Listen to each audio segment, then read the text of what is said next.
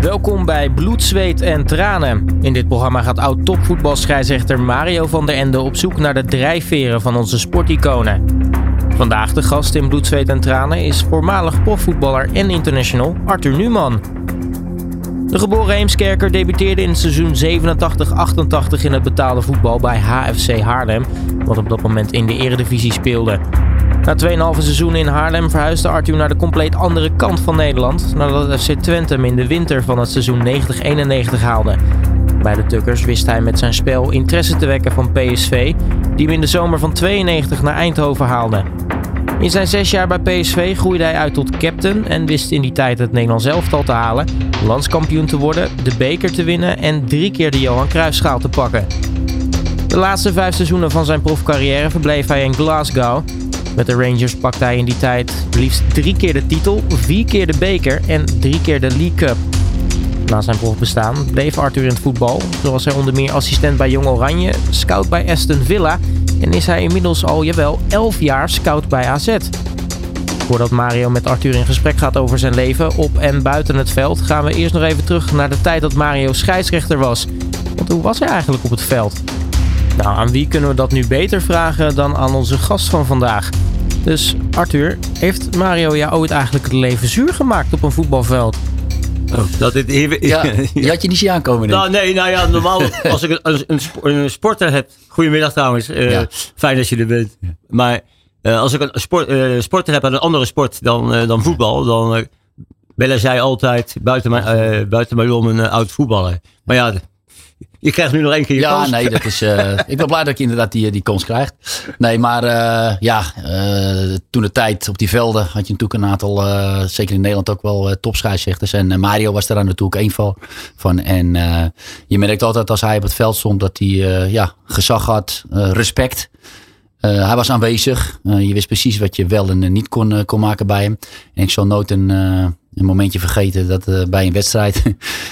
Uh, op een gegeven moment uh, floot hij ergens voor. En uh, ik was weer niet blij. Dus ik stormde naar Mario toe. Ik zeg, wat doe je nou? Hij zegt, overtreden. Hij zegt, stil eens even jij. Hij zegt, kom hier. Ik zeg, wat is er? Hij zegt, kijk even om je heen. Hij zegt, in het PSV-stadion. Hij zegt, er zitten 30.000 man. Die hebben allemaal een kaartje gekocht. Die betalen er geld voor. En jij moet je schamen hoe je de eerste 20 minuten speelt. ja. Hij zegt, het is niet om aan te zien. En dan ga je mij vertellen wat ik verkeerd doe. Dus ja, ik, ik liep weg en ik keek over mijn schouder. En uh, ik keek naar Mario. En Mario moest lachen. Die hield zijn hand voor zijn mond. En ik moest ook lachen. En ja, dat vond ik dan wel weer mooi. Dat je dan ook die, uh, die interactie dan uh, hebt met, met, met de scheidsrechter. Dat het respect eigenlijk van, van, van, beide, van beide kanten daar is. Dus dat, dat, dat moment blijft me altijd bij. Ja, nou ja, goed. Dus, dus in ieder geval nog een, een positieve. Absoluut. het, ja, ik word hier ook wel eens neergezet. Dat ik denk van, nou ja, is, is dat echt allemaal gebeurd? Ja. Maar oké, okay, nou ja, goed. Ik, nou goed. Ik hoop dat we straks nog even op een paar van dit soort ja. anekdotes en dingen terug kunnen komen. Uh, in ieder geval hartstikke leuk uh, dat je er bent. Uh, je bent, ja, dat werd net ook in de introductie al gezegd, van een, een druk man.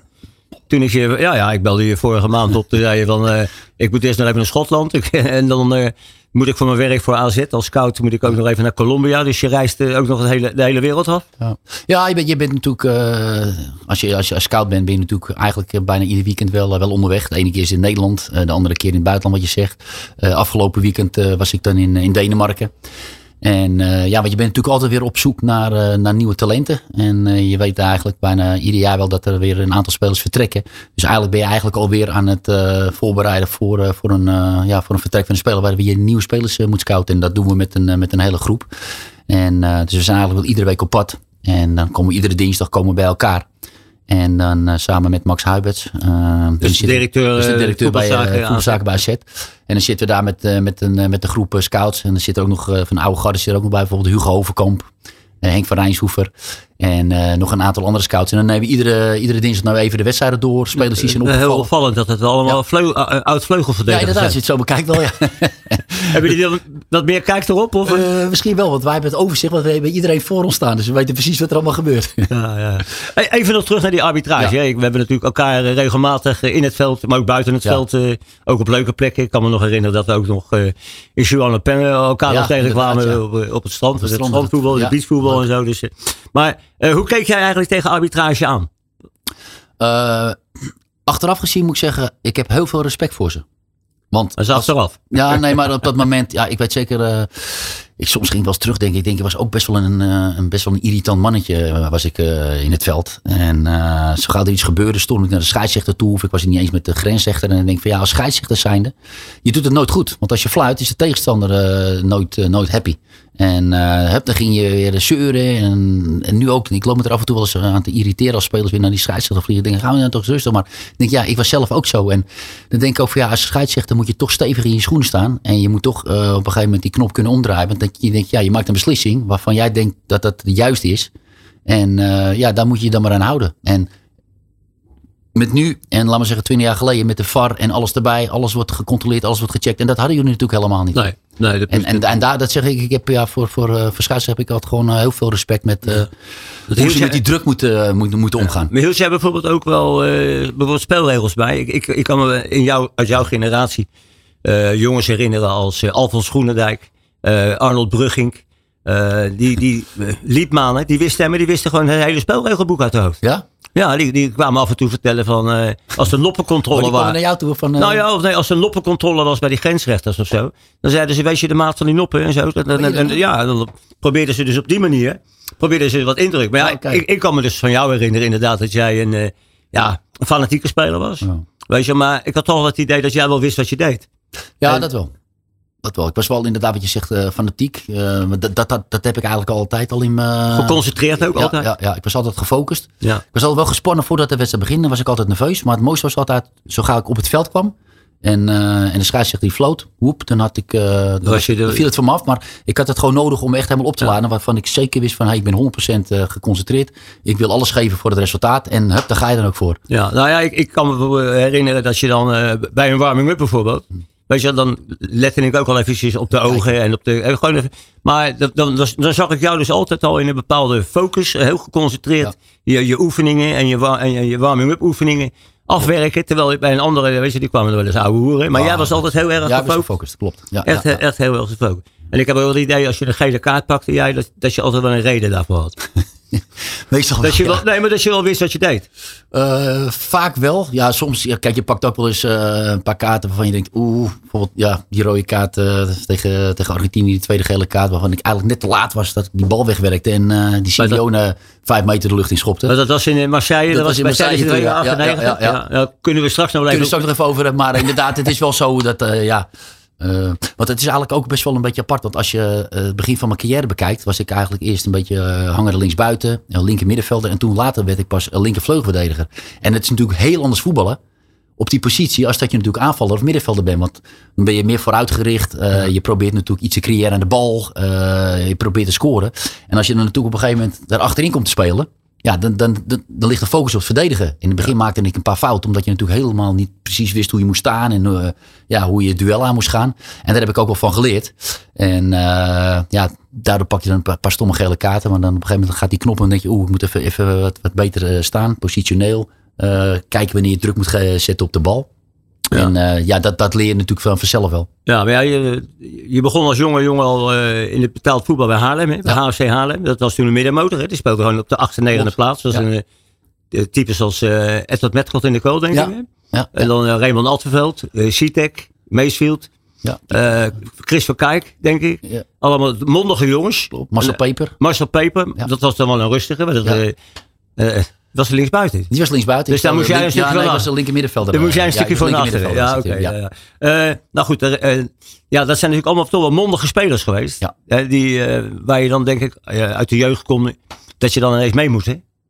En je hebt later nog bij, bij, bij Glasgow. Ik, heb, ja, ik heb je daar ook een paar keer mogen fluiten.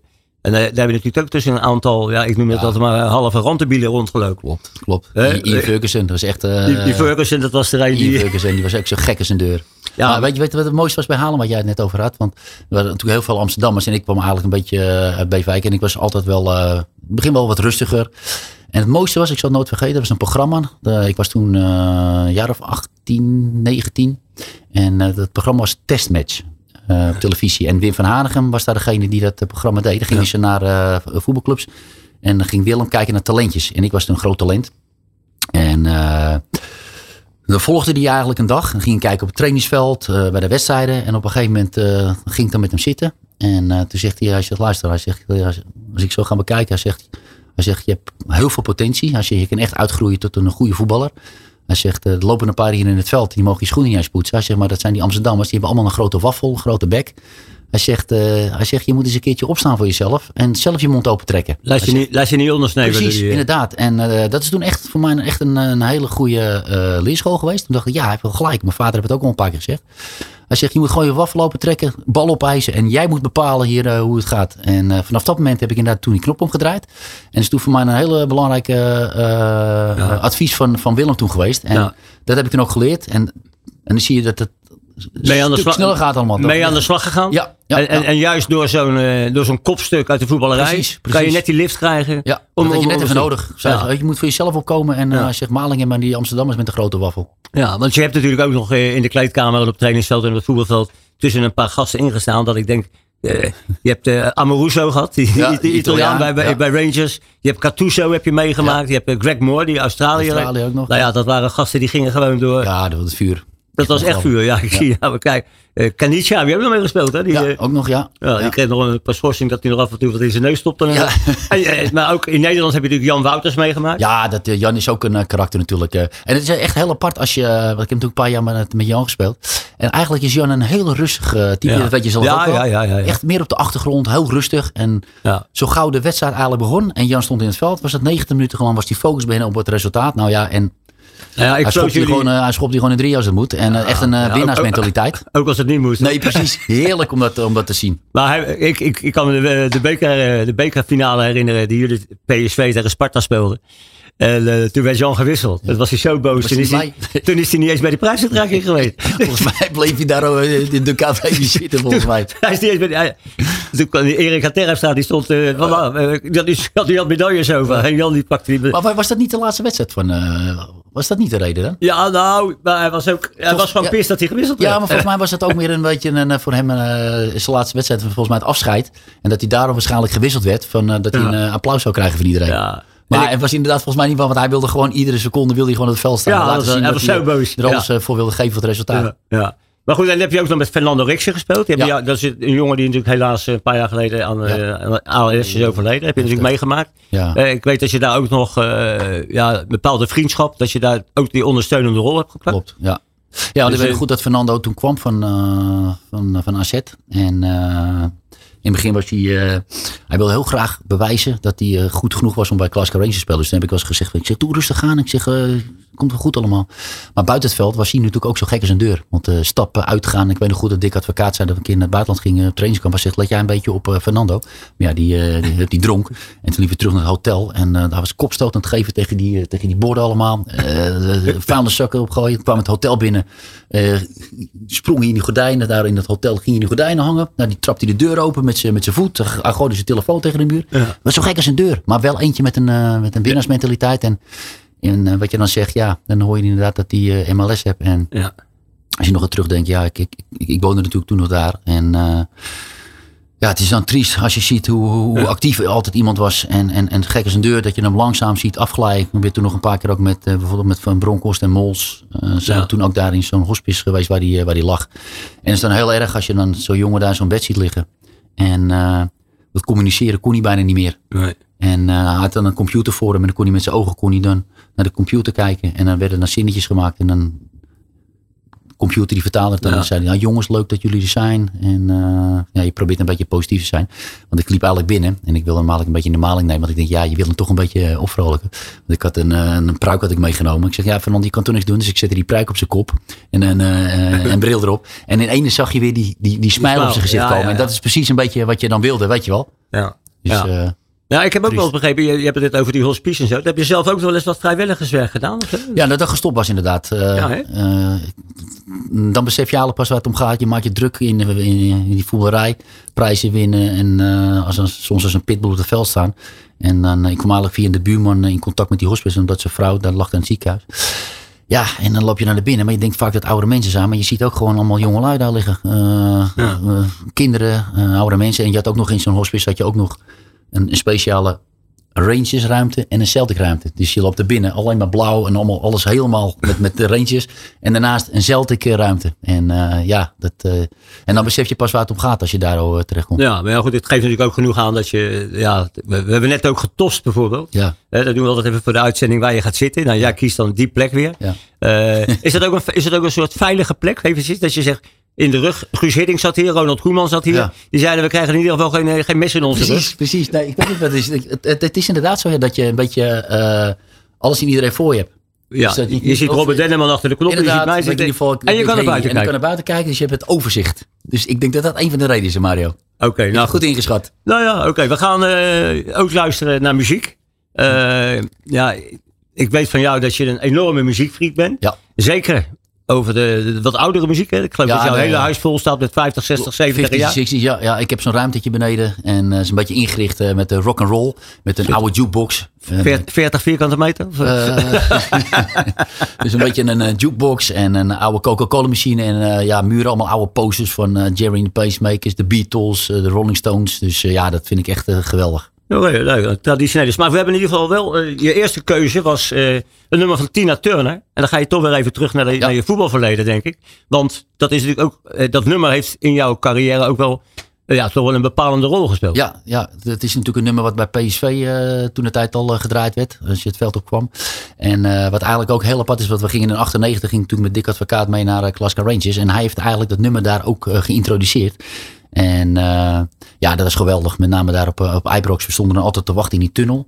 En, uh, en op het moment dat ze dat nummer begonnen te draaien, hup, kwam er het veld op. En dan, ja, er was 50.000 mensen die gingen uit een, uit een dak nog echt van pom, pom, pom, you're simply the best. En dan gingen ze de keer, jongen. En dan kreeg je gewoon kippenvel van als je op dat veld stond. En uh, ja, iedere keer als je dat nummer weer op de radio hoort, dan, dan, dan moet je eens gelijk weer denken aan die, aan die, ja, die mooie momenten die je hebt meegemaakt in, uh, in de voetballerij dan bij Glasgow en bij, uh, bij PSV door, door Tina Turner. Nou, we gaan even luisteren naar Tina Turner. Het is de uitvoering van Tina Turner. Het origineel is van Bonnie Tyler zelfs. Hè? Dus dan heb je misschien ook nog ergens in, ja. bij, de, bij de thee staan in, je, in het rijtje van je cd's. Ja. Simply the best, Tina Turner. Alle sporten van binnenuit. All Sport Radio. U hoort uh, Arthur Newman nog even meezingen. ja, ja, u, u, bent terug bij het ja. programma Bloed, Zweet en Tranen. En hoorde zojuist uh, de stem van Arthur Newman al. Ja. Uh, waar ik vandaag mee in gesprek ben. Tina Turner, Simply the best. Je zei...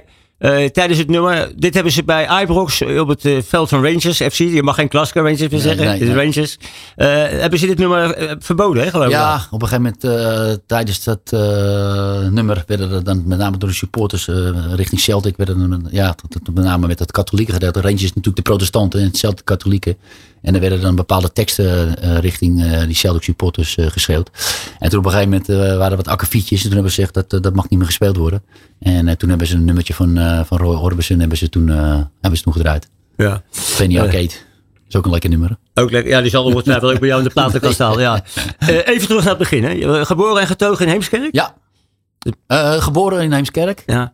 En daar had je het ziekenhuis. In Beverwijk had je nog een ziekenhuis. Okay. Maar eigenlijk in Beverwijk. Uh, nou ja, goed, dat ligt naast elkaar. Ligt naast elkaar, inderdaad. Ja. Een vrij, vrij rustige, interne gerichte gemeenschap in, ja. in Noord-Holland.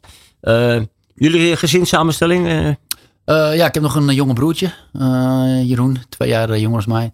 En ja, we zijn eigenlijk daar om zo hele leven. Maar dat is eigenlijk grappig, want mijn, waar mijn vader en moeder nu nog wonen, nou, daar zijn wij opgegroeid. Maar daarvoor wonen mijn opa en oma. Wij wonen eigenlijk in een klein flatje. En toen kwam mijn opa te overlijden. En mijn oma woonde toen in het huis. Maar dat was eigenlijk te groot voor en die voelde zich niet veilig. En wij zaten in een heel klein flatje met z'n vieren. En toen zei, hadden ze gevraagd bij de gemeente, kunnen we ruilen? Dus, dus mijn oma die is in het flat van ons gegaan. En wij zijn eigenlijk in het huis waar mijn opa en oma wonen. En mijn vader en moeder woonden daar nog steeds. Dus dat is op zich wel, uh, wel grappig. Dat is een sportief gezin? Uh, ja, ja, ja, ja, ja. Vader was altijd wel sportief. lekker het voetbal altijd bij, bij Beverwijk. zijn bijnaam was de Haas. Hij was razendsnel. Ja.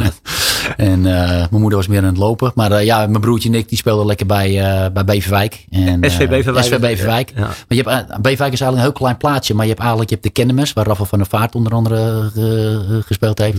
Uh, je hebt Dem, je hebt Jong Hercules, je hebt Beverwijk. Dus je hebt gewoon vier clubs eigenlijk ja. bij elkaar. En Heemskerk heb je dan nog ADO 20. En, en, en Odin 59. Odin 59. Dus het is eigenlijk best wel, het is wel ja, een, een, een, een, omgeving met veel voetbalclubs ja. daar. Dus daar lekker gevoetbald. En, Jong begonnen? Ja, ik was een jaar of acht. Ja, lekker en gelijk als uh, talent herkend?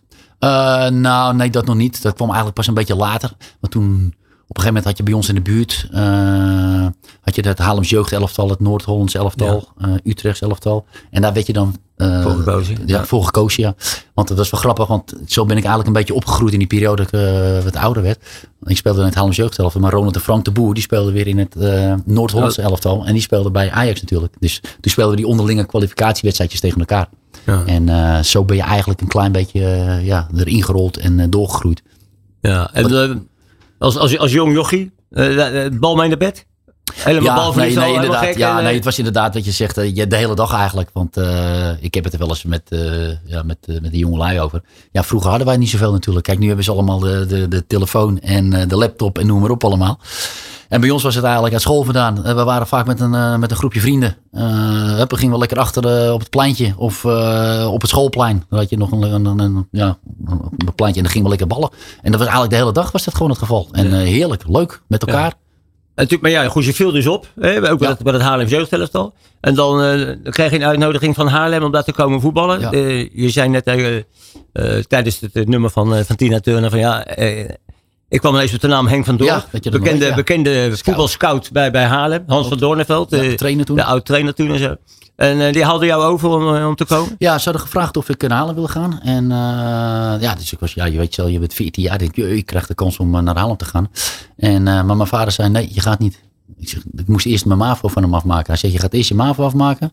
En uh, als, je die, als je dat hebt gedaan, hij zegt, dan, dan kan je naar Haarlem. Want ik wilde eigenlijk na de MAVO wilde ik naar het CIO's om sportleraar te worden. Het CIO's in Overveen, de sportopleiding? sportopleiding ja. En dat heb je afgemaakt? Heb ik afgemaakt, want ik ben toen inderdaad, uh, ja, je kan je voorstellen, ik, ik, mijn vader zei, nee, je gaat niet heen. Dus ik was kwaad en uh, teleurgesteld. Maar een jaar later kwamen ze weer. En toen kwam inderdaad Henk van Dorp, de scout van Haarlem, samen met de trainer Hans van Donneveld, kwamen bij ons thuis. Die wilde me zo graag hebben. Dus ik was echt verbaasd dat de, de hoofdcoach van Haarlem uh, maar proberen over te halen. Dus toen ben ik inderdaad naar Haarlem gegaan. En ik dat, gaf je vader, dat gaf je vader vertrouwen? Ja, van, uh... ja die wist wel. Hij zei, als je goed genoeg bent, komen ze terug. Dus hij had wel gelijk. Ja. En uh, ja, dus toen ben ik naar Haarlem gegaan. En inderdaad ook die periode naar het CIO's in Overveen. Want ik wilde sportleraar worden. Ik wist totaal niet wat ik wilde gaan doen later. Maar ik vond sporten leuk. Dus ik denk, nou ga maar naar het CIO's. Dat is een hele pittige combinatie. Ja. Het is ja. niet alleen de theorie, maar ook in de praktijkvak. Precies. Want dat betekent, je had natuurlijk toen in Haarlem een semi-prof klimaat. Dus je trainde waarschijnlijk s'avonds. Uh, nou, wij, wij trainen smiddags. Of smiddags, ja. maar hoe kon je dat ook combineren met dat ziel? Want dan is het zwemmen, uh, judo, ja. turnen. Nou, ik was natuurlijk, dat ik bij Haarlem kwam, was ik, was ik natuurlijk in de jeugd. Dus ik, ja. ik, ik, zat op SIO's en speelde ik in de B-junioren bij Haarlem. Maar ja, het was, ik stond s morgens om zes uur op. Ik had de bus van half zeven. Het was anderhalf uur rijden naar Overveen. Ik moest om acht uur op school zijn. En inderdaad wat je zegt, bijvoorbeeld maandag hadden we van acht tot tien zwemmen. En dan snel door de, naar de andere hadden we van 10 tot 12 hadden we judo. Nou, dan hadden we theorie van 12 tot 4. En dan van 4 tot 6 hadden we nog uh, muziek en bewegen. Dus dan moest je dansen op uh, Madonna. Moest ik een dans instuderen. En dan nog s'avonds vier keer in de week trainen bij Haarlem. Op maandag, dinsdag, donderdag, vrijdag. Ja. En dan zaterdag de wedstrijd. Zondag huiswerk. Dus ja. je was de hele week gefocust op school en voetbal. Ja, maar als je een, een schopje had gekregen of een klein blessuretje. Dan, uh, dan werkte dat natuurlijk ook weer door op school. Dus het ja. eigenlijk een... Ja. Maar je leerde daar wel discipline. Want wat je zegt, het ja. is je morgens vroeg opstaan. En, nee, dat is het ook. Het, het, het is wat je zegt. Dus het, je, ik had er echt die, die kleppen voor. En want ik had uh, twee dingen in mijn hoofd. Ik wilde per se dat CIO's afmaken. Moest ik ook van mijn ouders. Ze zeggen ook, je weet nooit of je voetballer wordt. Ja. Dus ik moest het CIO's van afmaken. Gelukkig gedaan. En ik had die kleppen voor om uh, profvoetbal te worden. Om eruit te halen wat erin zit. Ja. En, uh, en wat ook nog is, wat jij zegt, discipline. Dat is ook zo. Maar die periode dat ik klaar was met CIO's. Toen hadden we ook nog de dienstplicht. Ik Ja. moest ook nog 14 maanden in militaire dienst. Ah, geluksvogel.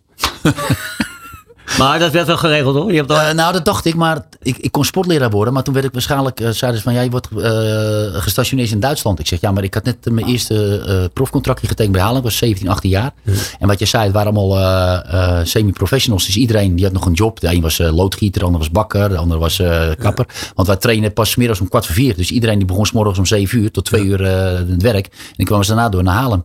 Maar ik zat de eerste twee maanden in Den Bosch. Drie maanden in zo'n kazerne. Zit je met, met 12 man in zo'n ruimte daar. Je hebt je bedje in je kassie.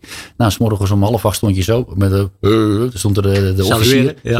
Nou, dan was je, tot vijf uur was je eigenlijk bezig. Weet je wel. Je leert schieten met de mitrailleur. En uh, we zaten in de Drunense duinen daar. Oh, en, en gelukkig konden ze toen bij Haarlem regelen dat ik uh, uh, hofmeester kon worden. Dus eigenlijk... Uh, kok. Kok. In Haarlem gelukkig, dus dat was me, dat was me geluk. Er moest wel om zes uur beginnen, s morgens tot twee uur middags. Maar ik moest, uh, ik had een vlinderstrukje voor en een pakje. Ik moest, het ontbijt moest ik, uh, moest ik, uh, moest ik regelen voor de officieren.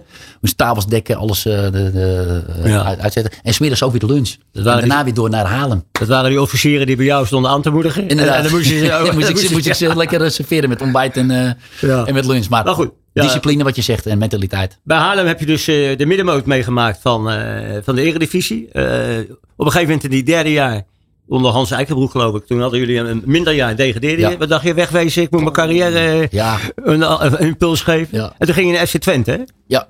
Ja, ik had eigenlijk net, wat, wat, uh, door, door Dick Advocaat uh, maakte ik de debuut bij Haarlem. Ja. En uh, ja, zo heb ik me een klein beetje weer ontwikkeld. Want Dick loopt echt als een rode draad mijn keren.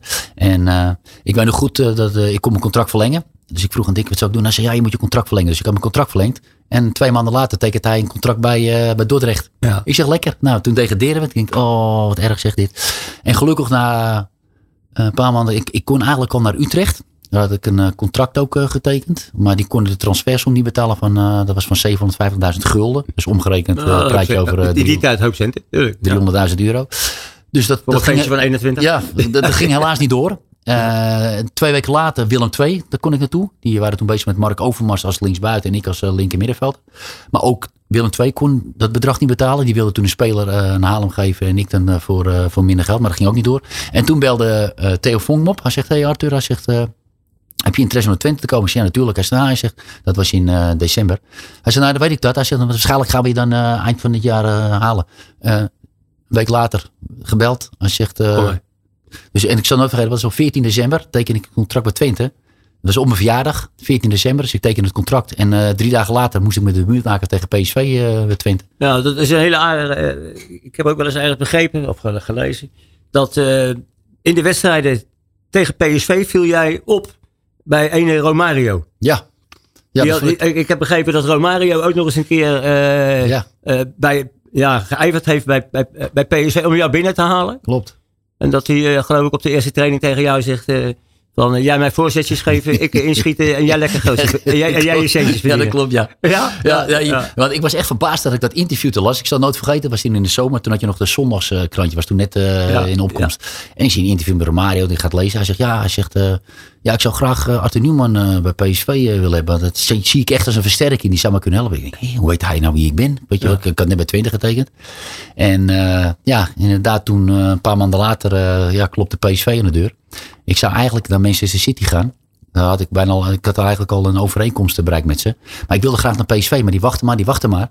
En Manchester City, daar kon ik toen, toen is het natuurlijk niet de Manchester City die het nu is. is nee, nee. Ze speelden toen wel in een subtop. Dus ik ben daar naartoe gegaan. Pieter Reed was de trainer. En hij zegt, Peter, als je me wil halen. Ik zeg, kom niet trainen. Ik zeg, nee, nee. Hij zegt, maar Arthur, je komt drie dagen over hier. Hij zegt, als ga je maar op de middenstip zitten. Hij zegt, maar dan kan ik in ieder geval tegen de voorzitter zeggen. Dat je goed genoeg bent om naar ons toe te komen. Dus ik ben daar naartoe gegaan. Contract onderhandeld. Nou, was bijna rond. En toen kreeg PSV te horen dat ik bijna rond was. En toen op het laatste moment, woep, kwam PSV. En, uh, maar die wilde niet dat bedrag betalen wat, wat Twente wilde hebben. Want City die bood twee keer zoveel. En toen heb ik een rechtszaak moeten aanspannen. En toch ben ik toen in me gelijk gesteld, want ik wilde graag naar PSV voor de ontwikkeling van mijn carrière. Ja. Ik kon in Engeland kon ik drie keer zoveel verdienen, maar dat ging me totaal niet om het geld. Ik wilde gewoon uh, beter worden, ontwikkelen. Want PSV, dat was toen net in 92, die had natuurlijk een geweldige ploeg met Romario, met ja. Kieft, met Van Alen, met uh, Van Breukelen, uh, ja, ja, ja, Popescu, noem maar op allemaal. Dus ik denk, nou, daar ga ik naartoe, kan ik me lekker ontwikkelen. Dus toen heb ik voor PSV gekozen. Ja. Je hebt heel een hele rits aan trainers ook voorbij zien komen.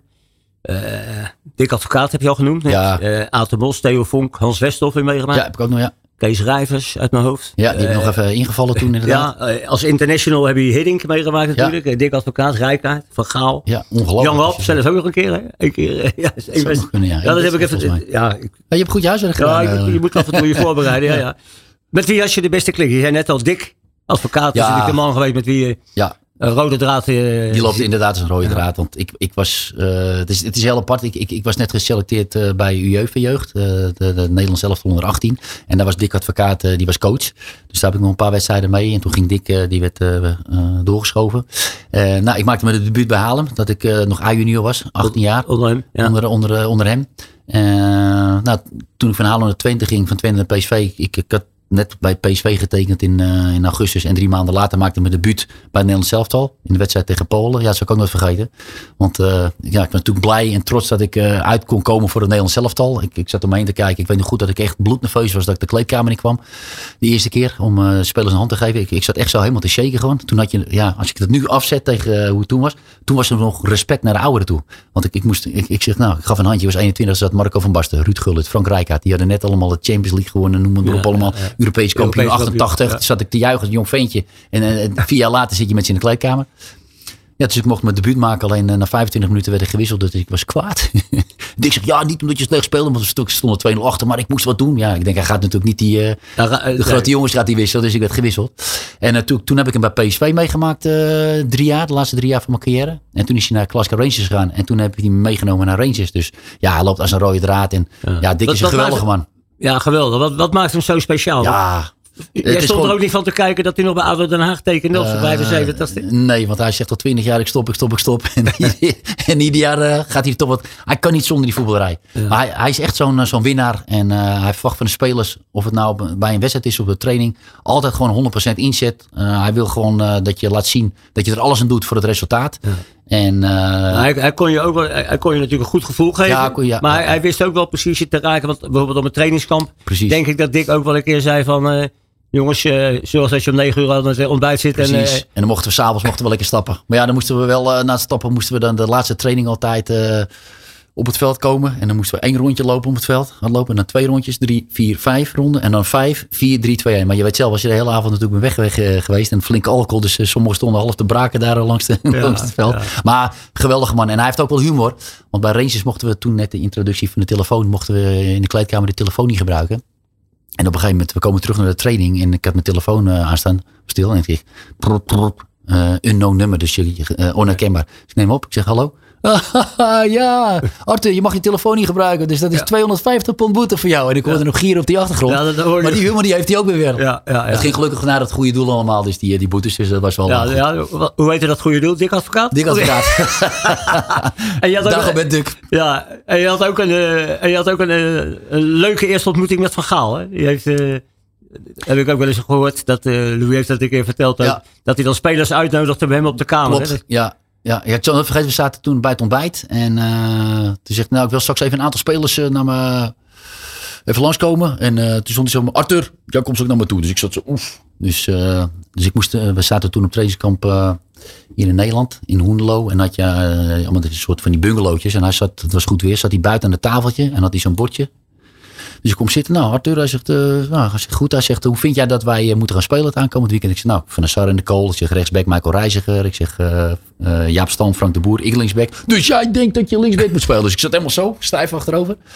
En waar is dat op gebaseerd? Nou ja, ik zeg, ik speel, ik speel momenteel aardig bij PSV. Ik heb een goede band met de spelers om me heen. Dus oké, oké, oké. En dat, dat, is het mooiste van Louis. Je mag een mening hebben, maar je moet wel echt... Gestaafd zijn, ja, onderbouwd zijn. Onderbouwd zijn. En ik heb daar gewoon drie kwartier met hem gezeten en was top. Ja, ik ben toen teruggelopen naar mijn hotelkamer. Want ik moest even douchen, want mijn rug was drijfnat.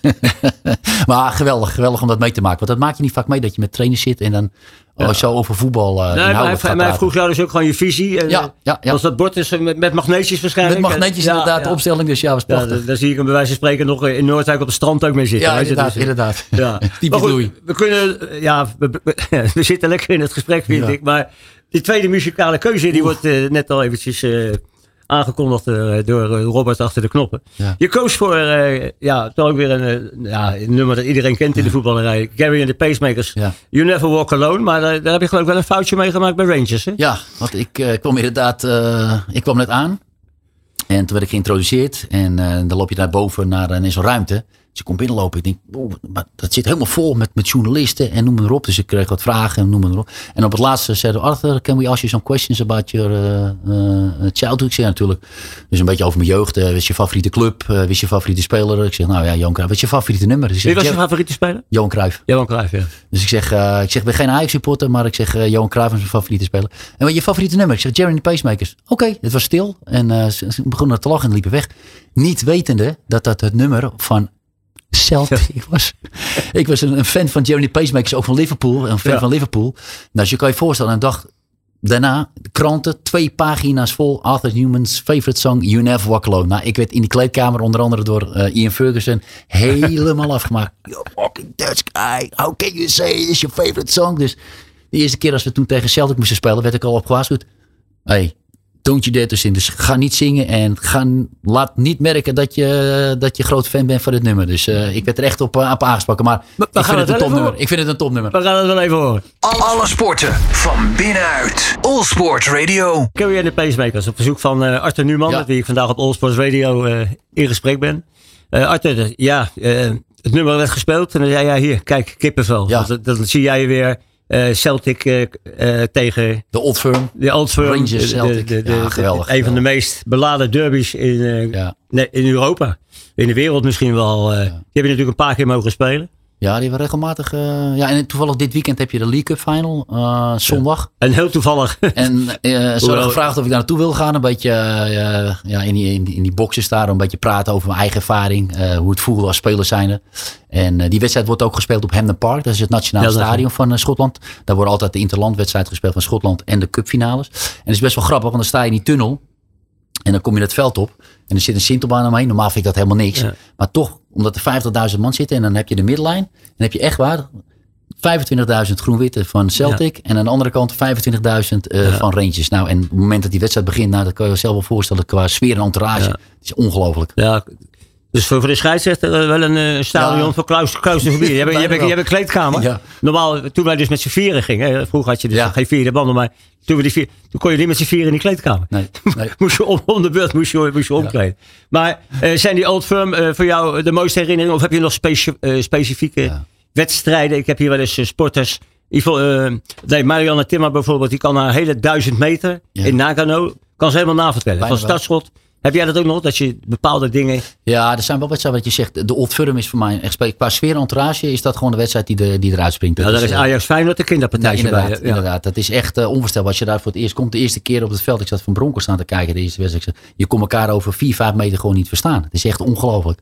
Maar uh, als je het ook hebt over wedstrijden, dan is uh, een wedstrijd die me eigenlijk ook altijd bijblijft, is de wedstrijd, de kwartfinale Nederland tegen Argentinië.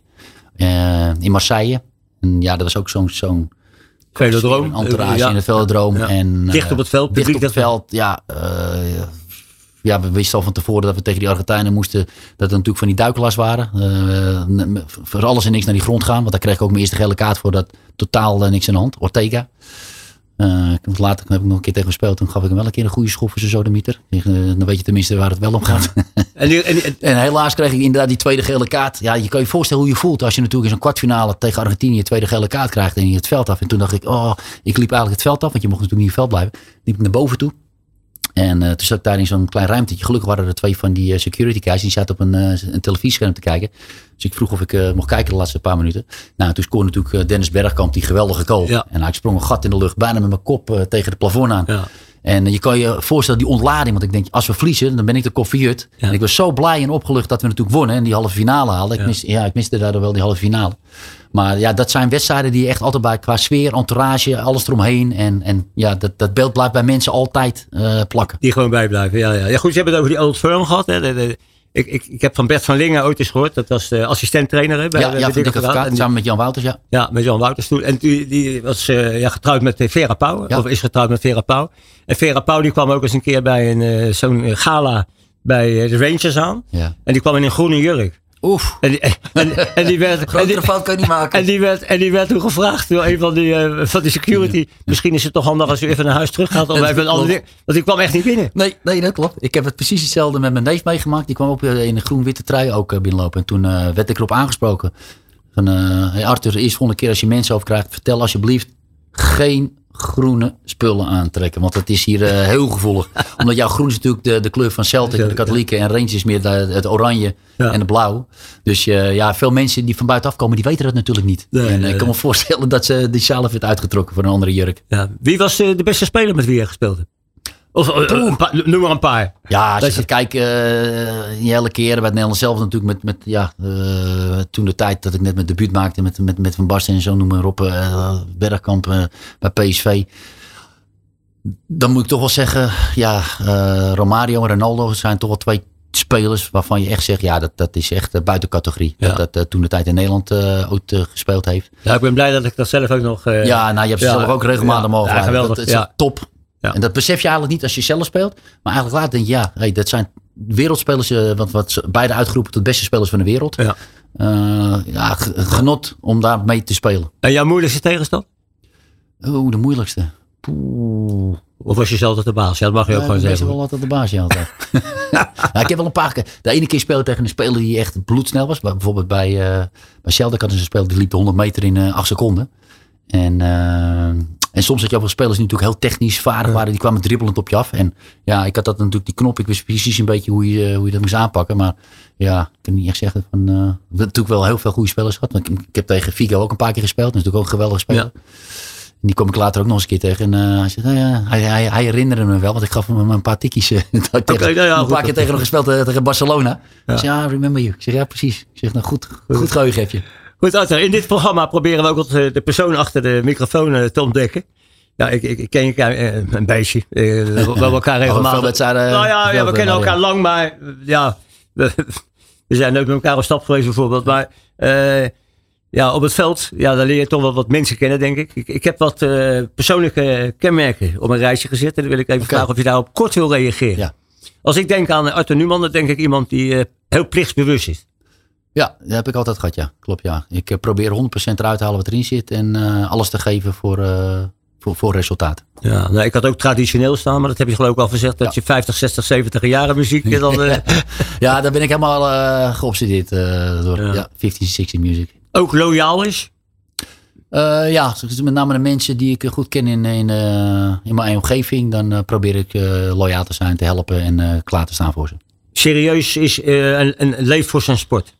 Ja, dat, met name vroeger, ik had echt die, wat ik net al zei, die kleppen voor om eruit te halen wat erin zit. Ik wilde echt de top bereiken en later geen spijt krijgen van had ik maar dit gedaan of had ik meer gedaan. En mede daarom denk ik ook dat ik toen, toen 33 was, dat ik toen gestopt ben. Ik kon toen op een gegeven moment nog, bij Rangers ging niet door. Ik kon naar PSV, naar Feyenoord, naar andere clubs. En ik zit te kijken in de voorbereiding naar die clubs. Ik denk, ik heb hier geen zin meer in. En mede omdat ik misschien altijd te gefocust was om eruit te halen wat erin zit. En ik was even helemaal klaar toen. Georganiseerd?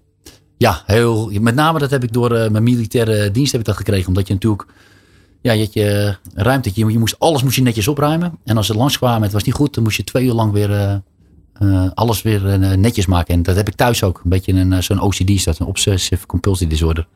Ja. Niet, niet snel echt zijn gevoelens uiten. Klopt, dat heb je goed gezien. Meer een nee. beetje een binnenvetter. Ik wil anderen niet opzadelen met mijn problemen. dienstgericht, dus dat je ja, richting je medespelers een echte teamplayer. Ja.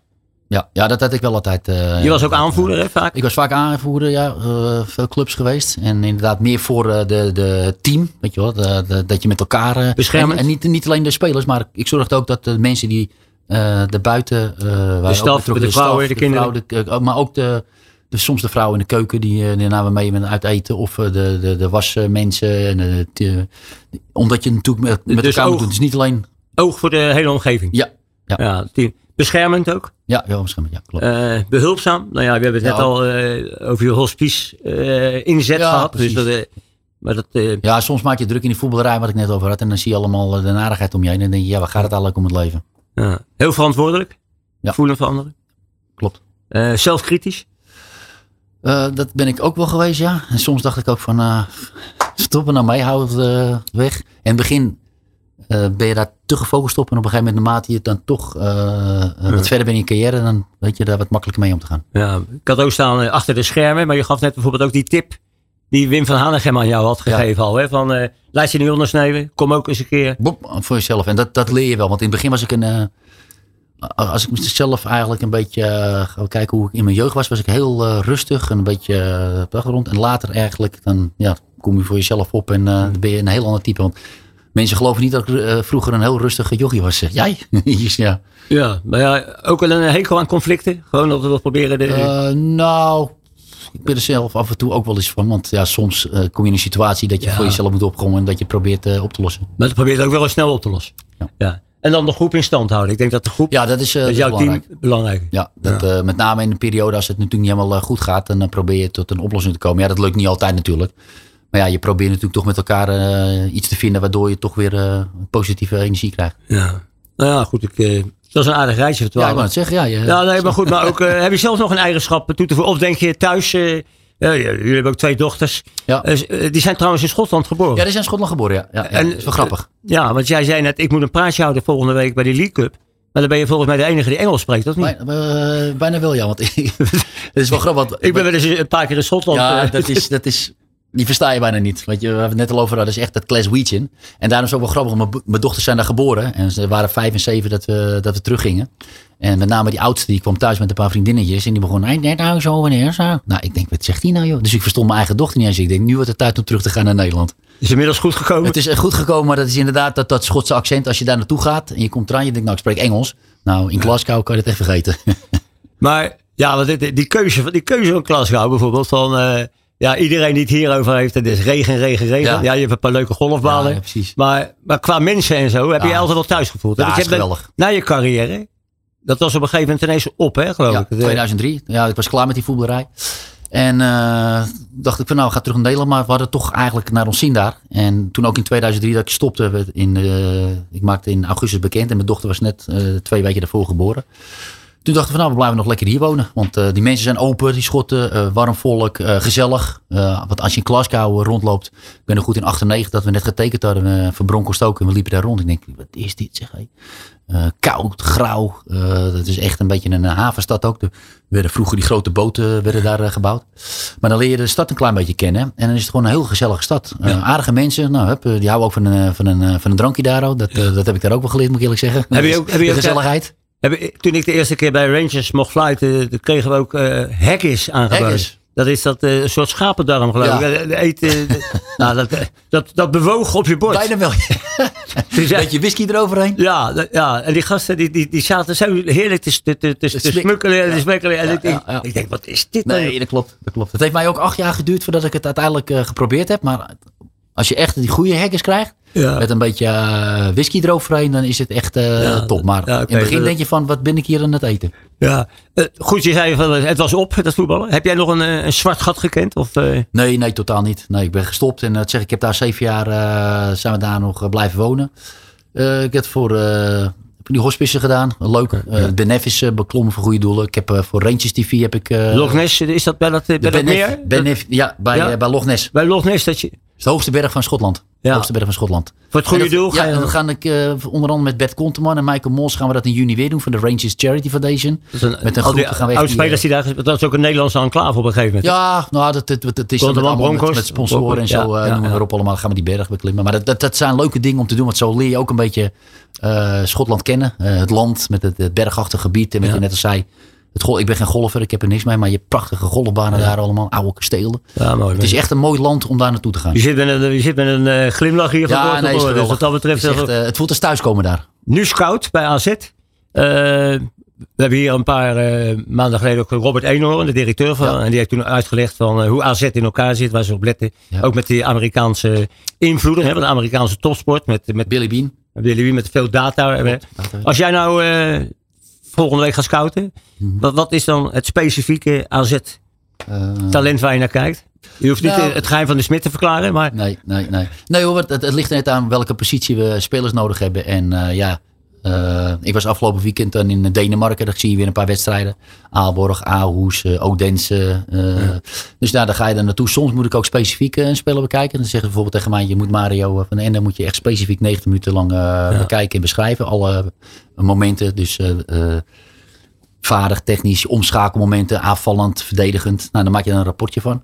En, eh, en we hebben natuurlijk ook hoe spelers uit de data komen. Dus als ze goed uit de data komen en eh, wij zijn positief over ze, dan, dan is het een eh, match. En dan, ja, dan is het een interessante speler voor, voor AZ voor de toekomst. Oké. Arthur, het uurtje is omgevlogen. Ja, het is onvoorstelbaar, ja. Voor je liggen al een uurtje een gele en een rode kaart te wachten. Mhm. Ik vraag altijd van, nou, aan wie wil jij nou een gele of een rode kaart uitdelen? Je voorgangers hier hebben er altijd gretig gebruik van gemaakt. Oké, Dus, ja. ik weet niet wie, eh, wie je geel zou willen geven. het, het- voelt eigenlijk eens een keertje hoe jij eh, mij eh, soms een gele kaart Ja, hebt dat- Ik zou hem eigenlijk jou willen geven, maar dat zullen we niet doen. Ja, waar, ik, waar natuurlijk constant vragen over zijn. De, ik een gele kaart is toch een beetje de VAR. Uh, soms loop ik me er ook wel eens aan te irriteren. Ik, ik, weet zelf dat het ook niet echt makkelijk is, maar met streepjes en millimeters. En uh, nou, twee weken geleden was er ook een, uh, in Engeland was er een akkefietje met een. bij Arsenal. Bij Arsenal, oud scheidsrechter die ja. nu voor de VAR werkt en die gewoon een grote fout had gemaakt. Ja. Waardoor Arsenal de wedstrijd verloor. Heel bepalend. Dan denk je van ja, je hebt de VAR. Iemand zit in die studio te kijken en die maakt gewoon een, een hele grote fout. Ja, onbegrijpelijk. On, onvoorstelbaar. Dus ze hebben hem gelijk ook uh, er, eruit gesodemieterd. Dus ja, dat zijn wel eens momenten dat je denkt van, pff, dus uh, die geef ik een uh, gele kaart. En ja, die rode kaart, die geef ik eigenlijk aan, aan Poetin. Met name ja, wat voor ellende er allemaal is in de wereld, wat hij eigenlijk veroorzaakt. de ellende daar in, in Oekraïne. Dus ik hoop dat eigenlijk dat het zo snel mogelijk wordt Oké, okay, nou goed. We gaan, dit, we gaan deze uitzending ook besluiten met jouw derde muzikale ja. keuze. Uh, ja, niet zo gek. Je hebt de Beatles gekozen. Ja. Uh, kijk, waarschijnlijk een van jouw favoriete ja, het nummer Help. Waarom Help? Ja, ook inderdaad, wat ik al zei, ik geef die rode kaart voor Poetin. En eigenlijk ook dat, dat, ja, dat we elkaar eigenlijk moeten helpen in deze moeilijke tijd. En met name wat er daar, die oorlog in de Oekraïne ook gebeurt. Natuurlijk ook met die aardbevingen zo allemaal. Dus, dus ik dacht van, ja, als ik het dan nu moet pikken van mijn favoriete band, dan zoek ik voor het nummertje Help. Ja, want ik dacht eigenlijk van, hé, hey, er zit ook in de tekst zit, I'm not so self-assured. Ja, en now I find I changed my mind. Hè, wat jij zei, ik was vroeger een verlegen jochie. jochie en, Even die mindset uh, ja, omgedraaid. Ik denk, hé, hey, dat past misschien Daar had je wel goed over nagedacht. Nou ja, dat, komt nu ineens naar binnen. Ja, dus, uh, maar goed, Arthur, ik wil je in ieder geval uh, ja, hartelijk bedanken voor, voor je komst, voor je openhartigheid. En ja, wens jou en je gezin alle gezondheid, alle goeds toe. en de mooie dingen die je nog allemaal doen, ook bij AZ natuurlijk. U bedankt voor het luisteren en tot de volgende aflevering van Bloed, Zweet en Tranen op Allsports Radio. Waar ik volgende maand weer met een Nederlandse sportvip in gesprek ga. Op verzoek van Arthur Newman, de Beatles met Help. Alle sporten van binnenuit. Allsports Radio.